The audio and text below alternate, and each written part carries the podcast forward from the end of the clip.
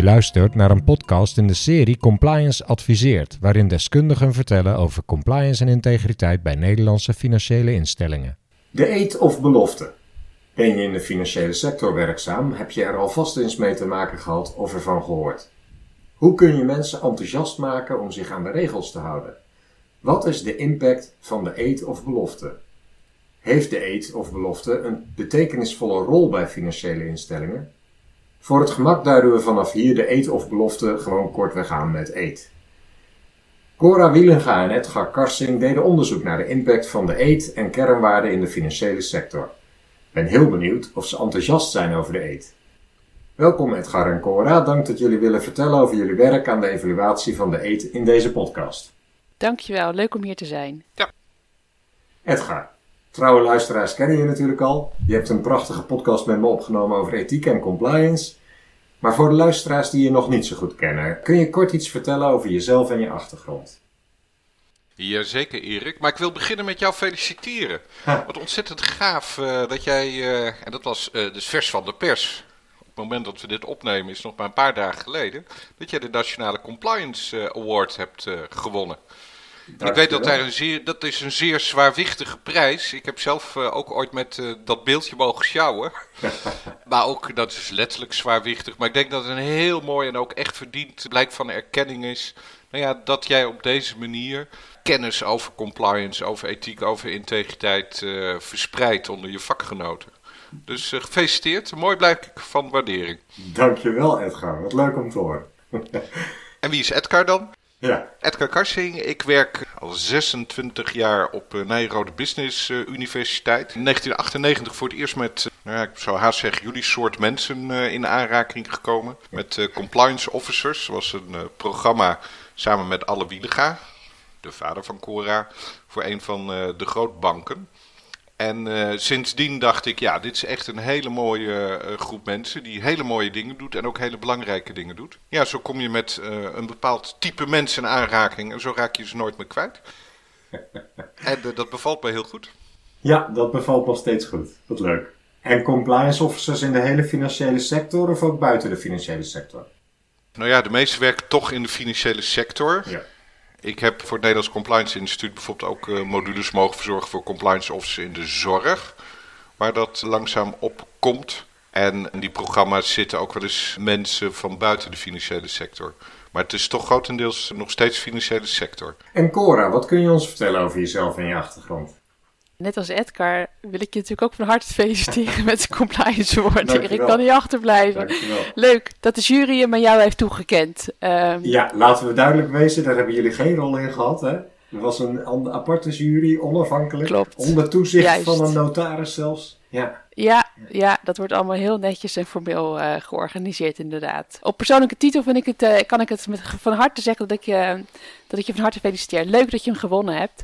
Ik ben Cora Wielega, ik werk bij het Nederlands Compliance Instituut. Ik ben directeur van het instituut en ik ben compliance officer voor een aantal klanten. En voor een aantal andere klanten ben ik vertrouwenspersoon.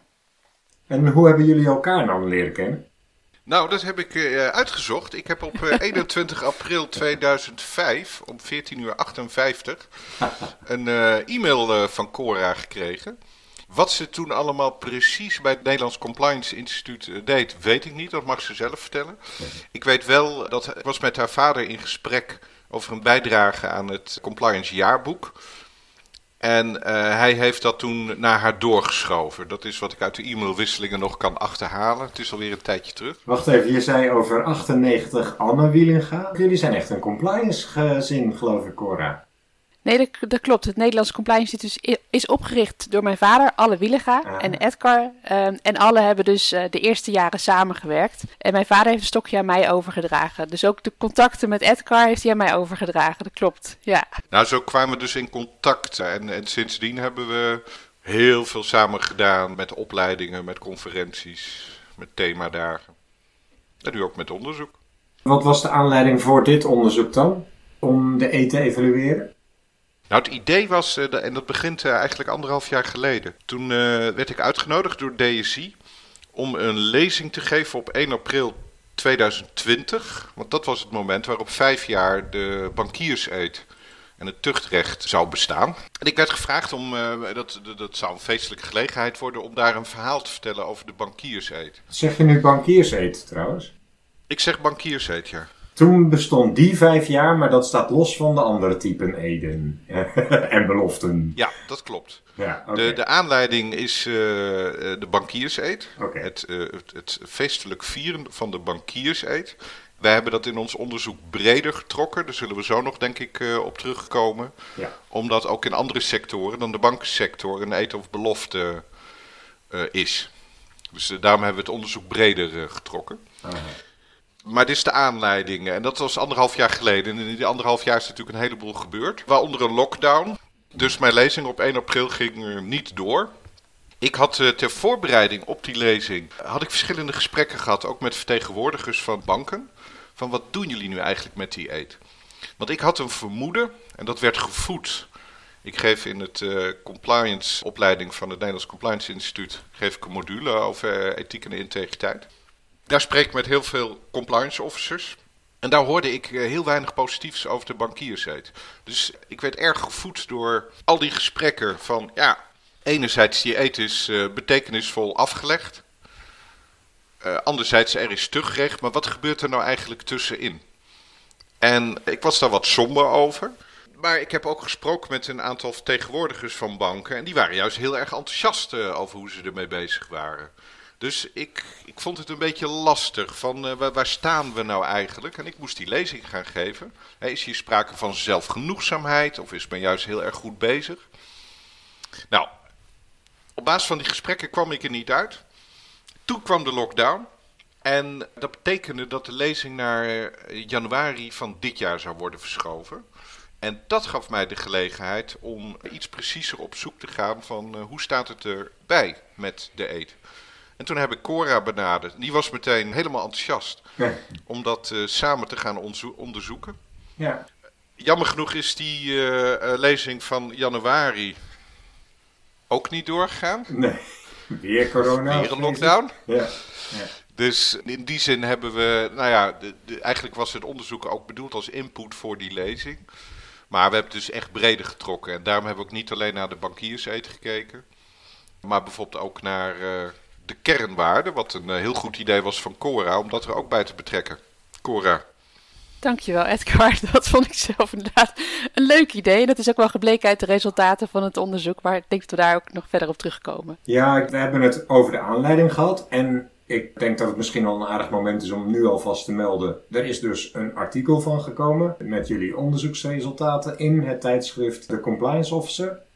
Daar willen we het eigenlijk in deze podcast ook over hebben. Dus dan krijgen we zowel mensen die willen lezen als mensen die willen luisteren kunnen het tot zich nemen. Wat houden de wettelijke verplichtingen rondom de eet precies in? En ik denk dat we daar misschien wel even onderscheid moeten maken tussen de eet in het algemeen en de bankierseed. Want die is dus vijf jaar geleden in de wet opgenomen, begreep ik.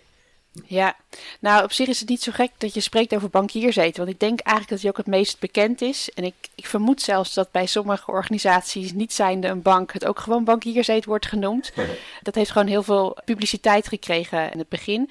Maar eigenlijk is het zo dat de eetbelofte, zoals die in de wetgeving staat, dat die van toepassing is op veel meer organisaties. Waar die aanvankelijk in 2013 uh, vooral verplicht was voor bestuurders en commissarissen bij onder andere banken en verzekeraars als onderdeel van de geschiktheidstoetsing die ze moeten doorlopen, is het later in 2015 veel breder gemaakt. En dat maakte dat veel meer instellingen ermee te maken kregen, dat ook veel meer functionarissen te maken krijgen met de eetbelofte.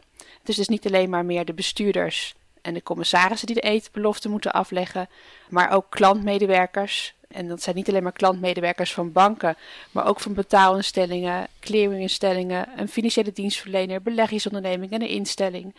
En dat hebben we onder andere ook gemerkt in ons onderzoek, dat dat nog niet al te bekend is. Dat het eigenlijk voor veel meer instellingen verplicht is.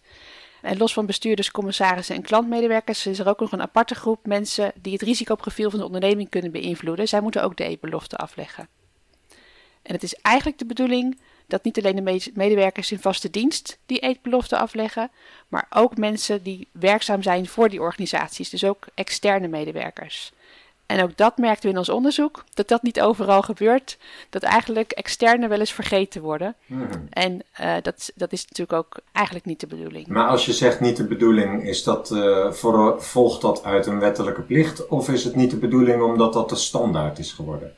Nee, het is niet de bedoeling omdat het in de wet zo is geformuleerd dat een ieder die voor de organisatie werkt de eetbelofte moet afleggen als je voldoet aan een van die functies die in de wet is genoemd. Ja, Ja. Nou, dat is heel, het is dus in korte tijd veel breder geworden dan alleen de bestuurders en raad van commissarissen. Ja, correct. Ja. Ik vind jouw vraag ook wel leuk, Erik. Want ik denk, eh, zelfs als het niet wettelijk verplicht zou zijn, zou ik zeggen: laat die mensen ook te eten afleggen. Ja, Eh, ja. gewoon kijken naar de effectiviteit. Maar ook naar. Ga geen onderscheid maken tussen eerste, tweede en derde rangs medewerkers. Eh, laat iedereen eh, meetellen. Waarom eigenlijk dan? Wat is volgens jullie het nut of het doel van de eet? En bedoel je het nut waar, waarmee die oorspronkelijk in wetgeving was opgenomen of waar, wat wij er nuttig aan vinden? Nee, ik denk dat we het nu beter kunnen hebben over wat jullie er nu nuttig aan vinden. Eh, wat wij er nu nog nuttig aan vinden, nou, dat hebben we ook eigenlijk in ons artikel eh, beschreven. Dat wij in 2013 en in 2015 met name waren we erg blij eh, dat de eetbelofte kwam. Omdat het een hele mooie gelegenheid is om nog eens stil te staan bij, datgene wat je aan elkaar belooft. En nou, dat zagen we als nieuwe mogelijkheden voor organisaties om te sturen op integer gedrag. Nou, en gaandeweg als ik voor mezelf spreek, be- ben ik wel gaan twijfelen van wordt het nu wel goed genoeg ingezet en wordt het, eh, het, het middel nu wel benut? En daar hebben we dus, het- om die reden hebben we er ook onderzoek naar gedaan en gekeken van is de eetbelofte wel zo'n goed middel? Dus dat is jullie onderzoeksvraag geweest of was het breder? Die is breder, Edgar. Nou, die is, die is zeker breder en eh, aanvullend op wat Cora zegt.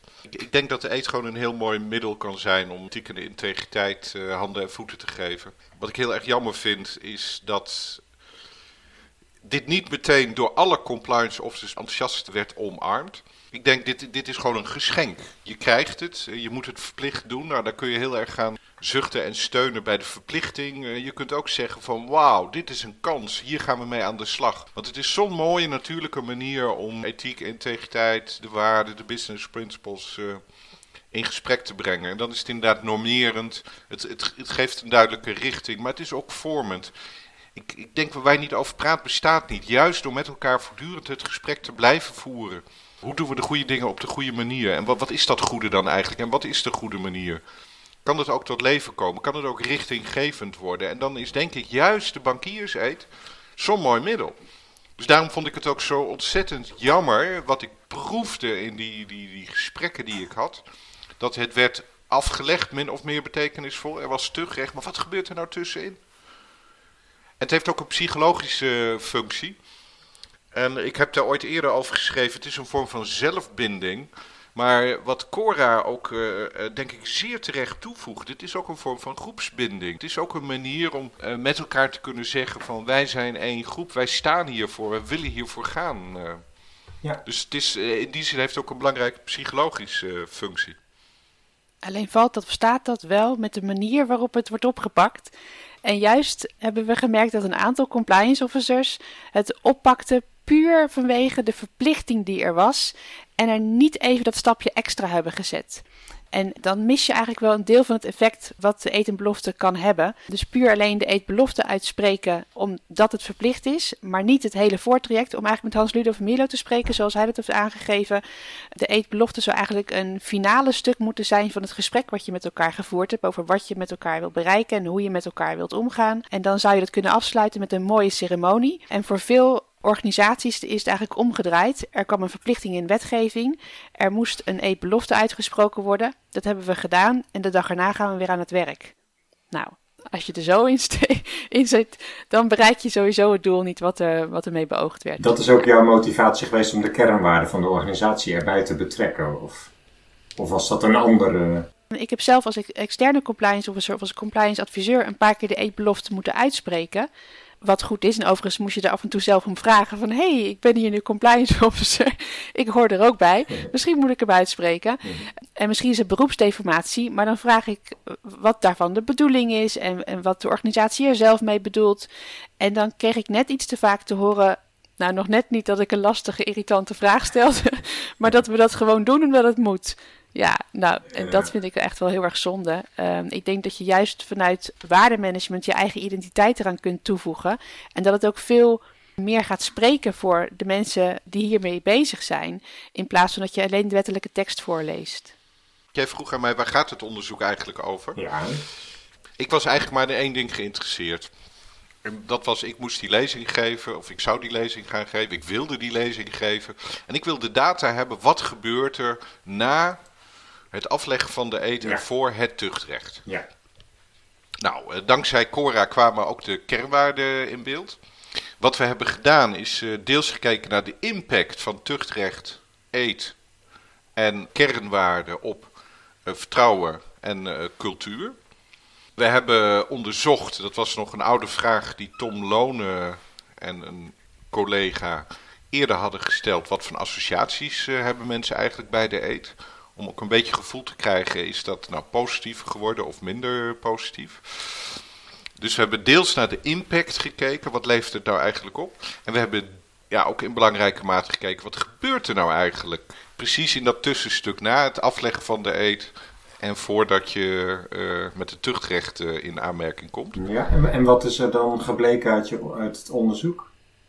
Je begon met de vraag van het verschil tussen kernwaarden en eh, eten of belofte. Dat is A, dat we merken dat de, de associaties, de beelden, ook bij de verwachte impact ten aanzien van eten en tuchtrecht positiever zijn geworden. Qua impact op cultuur en eh, vertrouwen. Maar dat de impact van kernwaarden, op een goede manier met kernwaarden bezig is, nog veel groter is. En dat daar ook veel meer aandacht aan wordt besteed. Daar wordt meer aandacht aan besteed. Maar het zou elkaar kunnen versterken, als ik het goed begrijp. Ja, en daar had Cora een hele mooie oplossing voor. Cora. Door ze samen te nemen. Nou, volgens mij, Edgar, kwamen we daar wel samen naartoe. Ehm, dat, nou ja, inderdaad, dat is wat ik net ook eigenlijk eh, aangaf. Hè, dat ik het zonde vind dat je de eetbelofte eigenlijk puur insteekt vanuit juridische insteek. En je heel erg houdt aan de wettelijke tekst. Ik gun het mensen dat ze het meer naar hun eigen identiteit van de organisatie toeschrijven. En daarmee wordt het ook veel realistischer. Zie je dat in de praktijk ook wel eens, dat, dat partijen dat doen? Nou, ik zie het nog te weinig. Want het is wel toegestaan. Ik begreep dat voor commissarissen en raden van bestuur dat het gewoon een standaard tekst verplicht is. Maar dat je voor andere mensen in de organisatie dus een, een eigen draai aan die eet kan geven. Ja, ja en, en een eigen draai die dan het liefst aansluit op je waardemanagement eh, van je organisatie. Die idealiter ook nog eens een keertje past bij je missie, visie, strategie. Dat zou veel sterker zijn dan alleen de eetbelofte uitspreken. Misschien een naïeve vraag hoor, maar lopen de kernwaarden van financiële instellingen sterk uiteen? Dat het nodig is om dat eh, een eigen draai te geven? Of een, een draai naar je kernwaarden natuurlijk. Maar, of zouden ze dan toch nog redelijk bij elkaar, op elkaar lijken? Ik denk dat je gelijk hebt dat veel waarden uitwisselbaar zijn van verschillende organisaties. En het gaat er nou juist om welke inhoud je er met elkaar aan geeft. Dus als je namelijk de waarden niet uitspreekt met elkaar, daar niet heel concreet met elkaar over in gesprek gaan, dan blijven waarden natuurlijk waardeloos en dan heb je er ook sowieso niks aan. Dus je moet ze nader invullen en vertalen naar wat, bedoelen wij nu eigenlijk. Het zou zomaar kunnen zijn dat heel veel organisaties integriteit als waarde hebben benoemd, of klantgerichtheid of een andere waarde, maar die kunnen voor verschillende organisaties iets anders betekenen. Ja, dus dat zou, mits daar goed over nagedacht wordt, hoe kunnen we dat inpassen, zou dat toegevoegde waarde kunnen hebben. En als ik nou terugkom op die vraag die jullie je dan stelden, wat gebeurt er na de eet en voor het tuchtrecht? Kun je daar iets meer over vertellen? Wordt er nog iets gedaan met eh, de eet nadat die is uitgesproken? Nou, wat mij betreft veel te weinig. En uh, zien we met name in het onboardingproces uh, dat daar uh, aandacht aan wordt besteed. Wat logisch is, want dat is vaak ook rondom het moment dat je de eet aflegt. Nou ja, wat, wat, wat een interessante is en wat mij ook puzzelde, want in die gesprekken die ik had, dus voordat we dit onderzoek gingen doen met vertegenwoordigers van banken, toen zeiden ze ook tegen mij van ja, we hoeven niet zo heel veel te doen met de bankierset, want dat is, die, die, die, die zijn opgenomen in onze kernwaarden, in ons compliance uh, programma. Dus als je dat goed doet, dan volgt die eet uh, als vanzelf. Op mijn opmerking van, en kennen mensen dan wel de kernwaarden? Ik stel die, vaak, die vraag vaak aan het begin van een opleiding met compliance officers. Nou, ik heb zelden een score boven de 20% gehad. Hè. Compliance officers. Kennen die medewerkers dan de kernwaarden? Zeiden ze, nou, dat is ook niet nodig als ze maar in het gedrag dat terug laten zien. Het gaat natuurlijk niet om dat je eh, als een lijstje wat kernwaarden moet noemen. En toen dacht ik, ja, het, het wordt mij allemaal wel erg uh, impliciet op deze manier. Ja. Ik denk echt dat als je kernwaarden, eetbeloften belangrijk vindt, dat je er ook heel actief mee uh, aan de slag moet. En dat ja. uh, zien we dus dat het meer gebeurt met kernwaarden dan met, dan met de eet. Maar op basis van de onderzoeksresultaten, maar goed, de, we hebben geen officieel vastgestelde norm. Uh, zie ik in ieder geval nog wel ruimte voor verbetering. Om ook meer te doen met de kernwaarden. En met de eet. Ja, en, maar als ik het op een tijdlijn zet, dan heb je het misschien over je zou meer kunnen doen met de kernwaarden op het moment dat de eet zeg maar afgelegd wordt. Maar daarna heb je een uh, en misschien moeten we ons niet zozeer alleen kijken naar hoe de situatie nu is, maar ook wat je zou adviseren aan financiële instellingen. Hoe zouden ze nou kunnen zorgen dat die waarde van die eet nog meer toegevoegde waarde heeft dan dat hij nu heeft? Je hebt het nu over een tijdslijn. Als we lijntjes gaan trekken, zou ik graag parallele lijnen van willen maken. Je hebt het traject van de eet, je hebt het traject van de kernwaarden. En beide zijn twee lijntjes, als je ze in de tijd gaat doortrekken, die permanent en continu aandacht vragen. En het zou nog sterker zijn, en dat was de suggestie van Cora, als je de kernwaarden en de eet op elkaar kunt betrekken. Dan gaan die twee dunne lijntjes gaan één dikke lijn worden. Hoe kun je die eet, nadat die is afgelegd, het beste aandacht geven volgens jullie? We hebben daar wel een aantal vragen over gesteld, zeg maar. Hoe mensen ervaren dat die waarde of de eetbelofte uh, terugkomt in hun dagelijks werk. Nou, Edgar en ik vinden alle twee dat het eigenlijk in de praktijk niet voldoende is. Waarbij wel nog goed is om te duiden dat we ook gekeken hebben naar verschillende type ondernemingen. En dat we hebben gemerkt dat bij de grootbanken er wel iets actiever op wordt teruggekomen dan bij de andere financiële ondernemingen. En dan kun je denken aan bijvoorbeeld erop terugkomen in uitingen vanuit het management, vanuit opleidingen, maar ook er regelmatig op terugkomen als het gaat over belangrijke besluitvormingsprocessen of specifiek bij stilstaan bij bepaalde dilemma's en dat je er dan op terugvalt. Dus dat zijn voorbeelden waardoor je eigenlijk dat het een soort ankerpunt wordt. En dat zijn voorbeelden waar ik dan blij van word. Maar waar ik nog blijer van zou worden als het vaker genoemd werd. En uh, eigenlijk werd het nu vooral in het begin werd er aandacht aan besteed van iemands carrière binnen een organisatie. En daarna liep het af. Hè. Bijvoorbeeld ook een exitgesprek bijvoorbeeld kan ook een mooi moment zijn om daar nog eens een keertje op terug te kijken. Want dan krijg je hele waardevolle feedback van mensen. En dat gebeurde wel bij de grootbanken, maar dan niet ergens anders. En zijn er dan ook andere manieren waarop je dit aandacht zou kunnen geven? Wat ik een hele belangrijke vind is eh, dat het management bijvoorbeeld uh, wijst op het betekenis en belang van de eetbelofte of van de kernwaarden. Nou ja, uit ons onderzoek blijkt dat uh, ja, 8,4% van de respondenten geeft aan dat het management wijst op betekenis en belang van de eet en belofte. 8,4%. Voor de kernwaarden was dat 46,9%. Nou, kun je zeggen dat is al uh, vijf keer zoveel. Ja. Dat klinkt goed, vijf keer zoveel, maar het is nog steeds minder dan 50%. Ja. En gaven de respondenten ook aan waar dat aan ligt? Hoe, hoe, hoe zouden zij verwachten dat het wel effectiever zou kunnen zijn? Is daar onderzoek naar gedaan? Nee. En nou is het natuurlijk wel het karakter van uh, de eet dat die in ieder geval in de bankenwereld vanaf uh, eh, 2015 min of meer werd opgelegd. Zou dat van invloed kunnen zijn op hoe die beleefd wordt? Ja, dat denk ik wel. Het was natuurlijk ook in aanzet de bedoeling dat de eetbelofte een sluitstuk zou zijn van een gesprek over waarden en over hoe je met elkaar omgaat en hoe je met klanten omgaat. Want het, het klantbelangprincipe was natuurlijk een van de aanleidingen waarom de eetbelofte eigenlijk uiteindelijk een verplichting werd.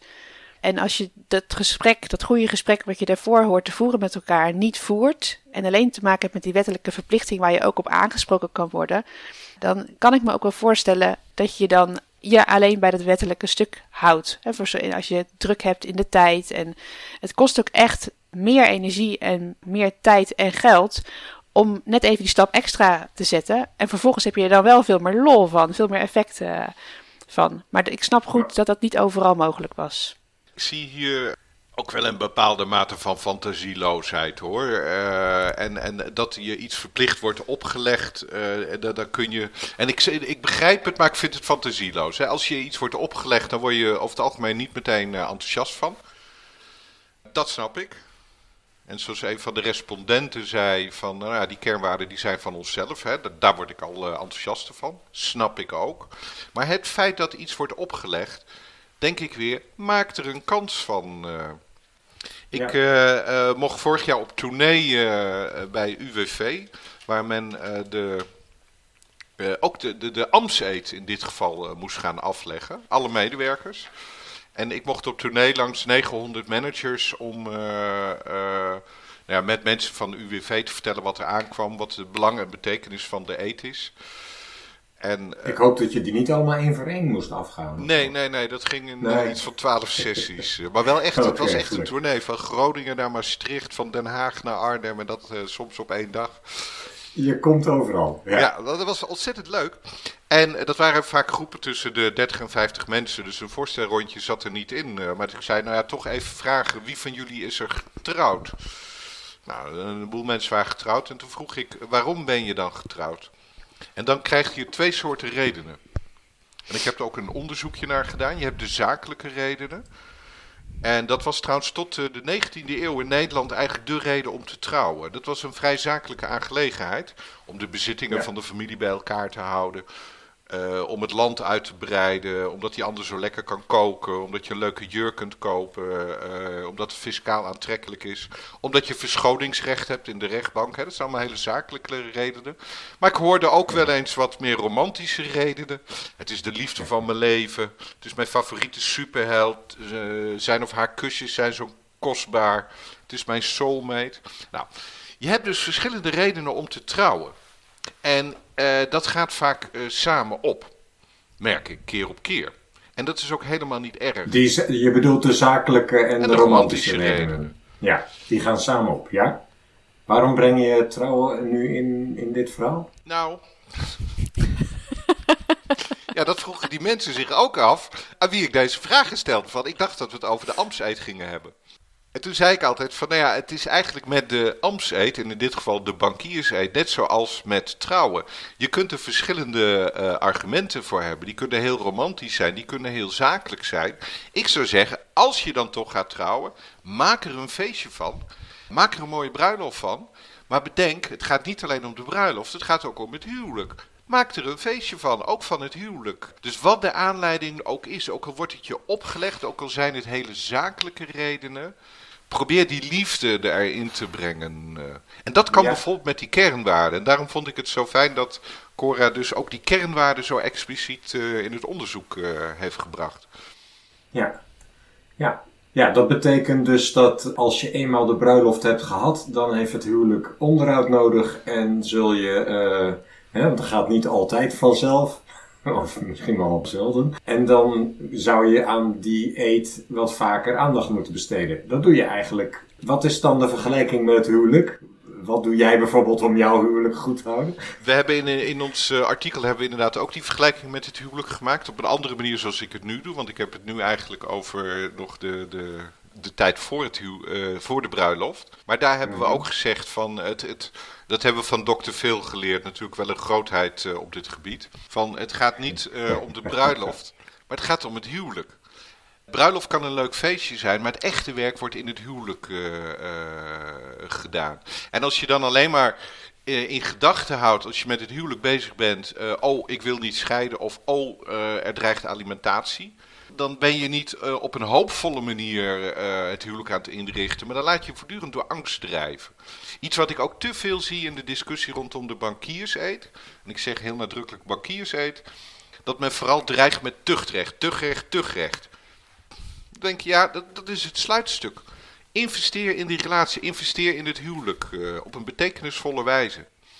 En is het niet ook zelfs breder dan alleen tuchtrecht? Boetes die instellingen boven het hoofd hangen? Het, is eigenlijk ook, als je het zo bekijkt, de benadering van de toezichthouder uh, is ook best wel uh, bestraffend, maar zelden belonend. Of dat zal dan toch echt van de instelling zelf uit moeten komen, of zie ik dat verkeerd? Ik heb niet echt de indruk dat ten aanzien van de verplichting van eetbelofte daar nu een soort dreiging vanuit de toezichthouder uitgaat op dit moment. Ik denk eerder het tuchtrecht, omdat dat veel persoonlijker wordt en veel dichterbij komt, dat dat echt als spannend is ervaren en nog door sommigen wordt ervaren. Ja.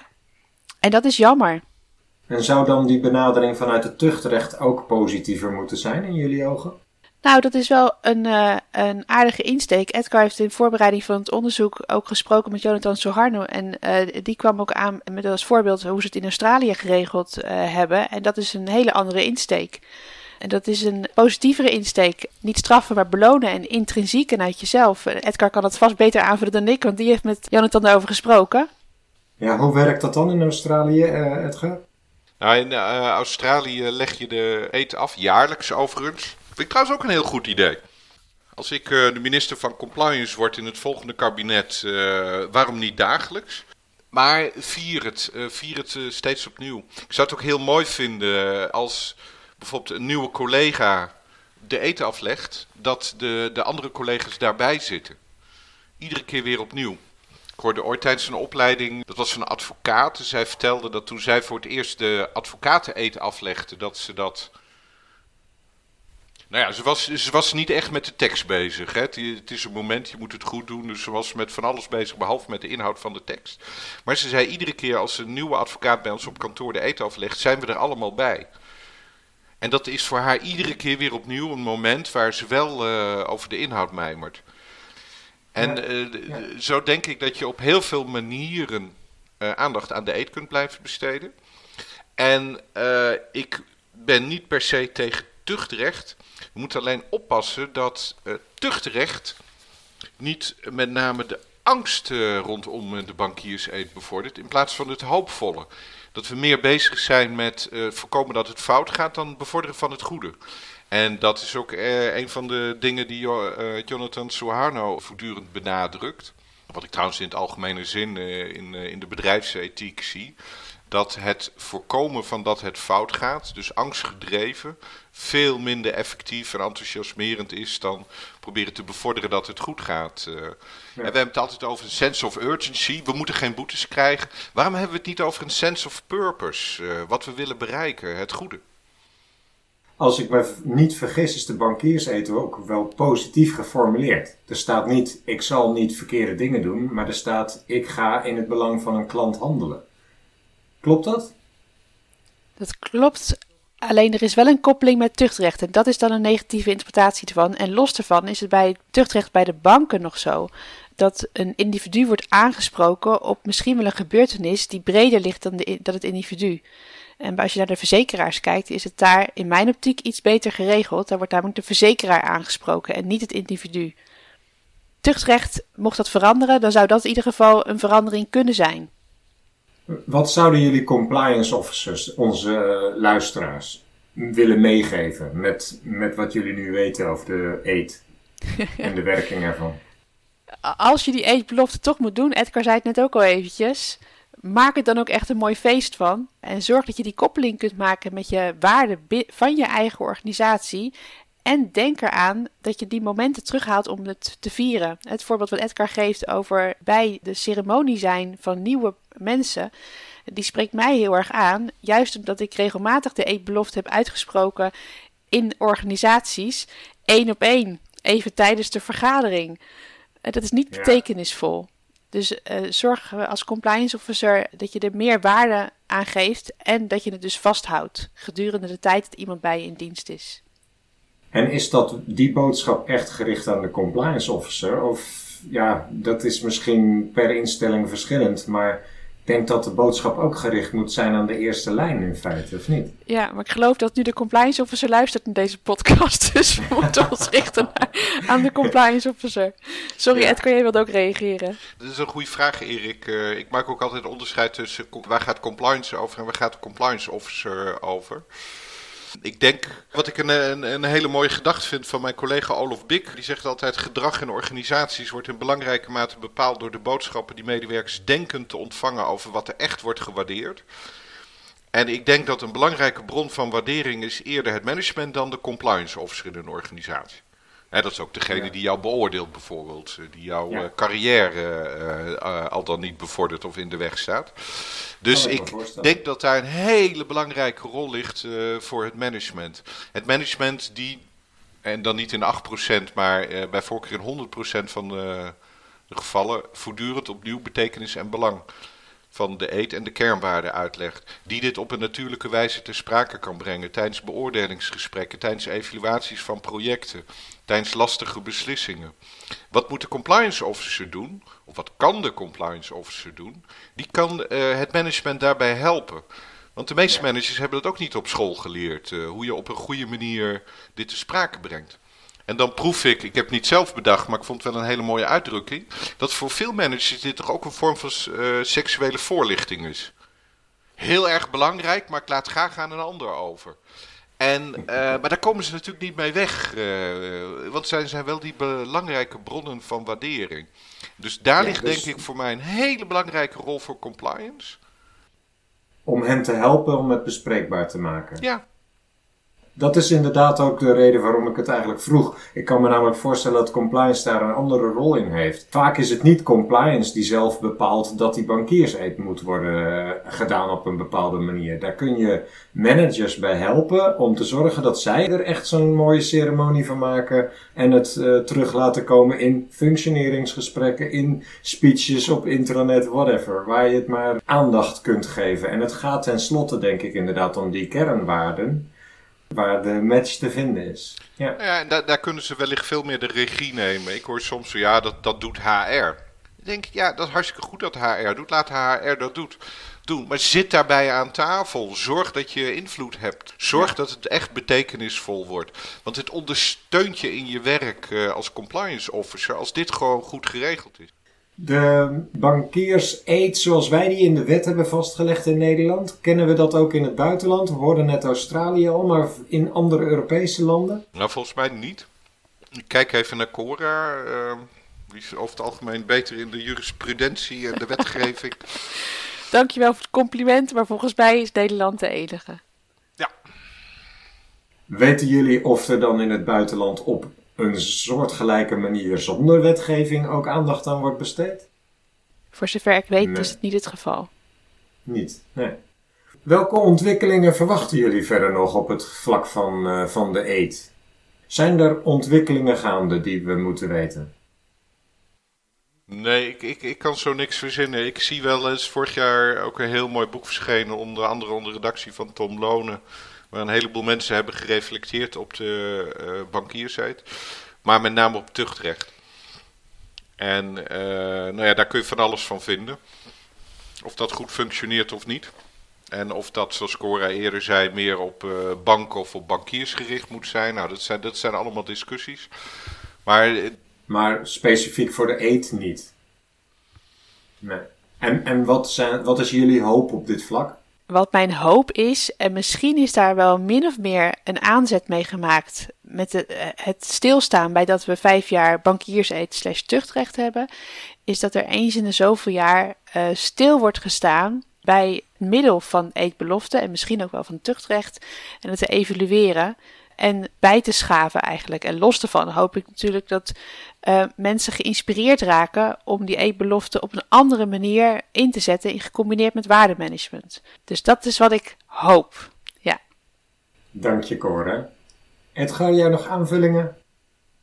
Ik ben diep aan het nadenken of ik aanvullingen heb. Ik, ik denk dat het heel goed is uh, wat Cora zegt. Uh, laten we het geregeld evalueren. En laten we daar ook vooral bij leren. Ik weet dat jouw gewoonte is om altijd als slotvraag te vragen: heb je nog een algemeen compliance advies?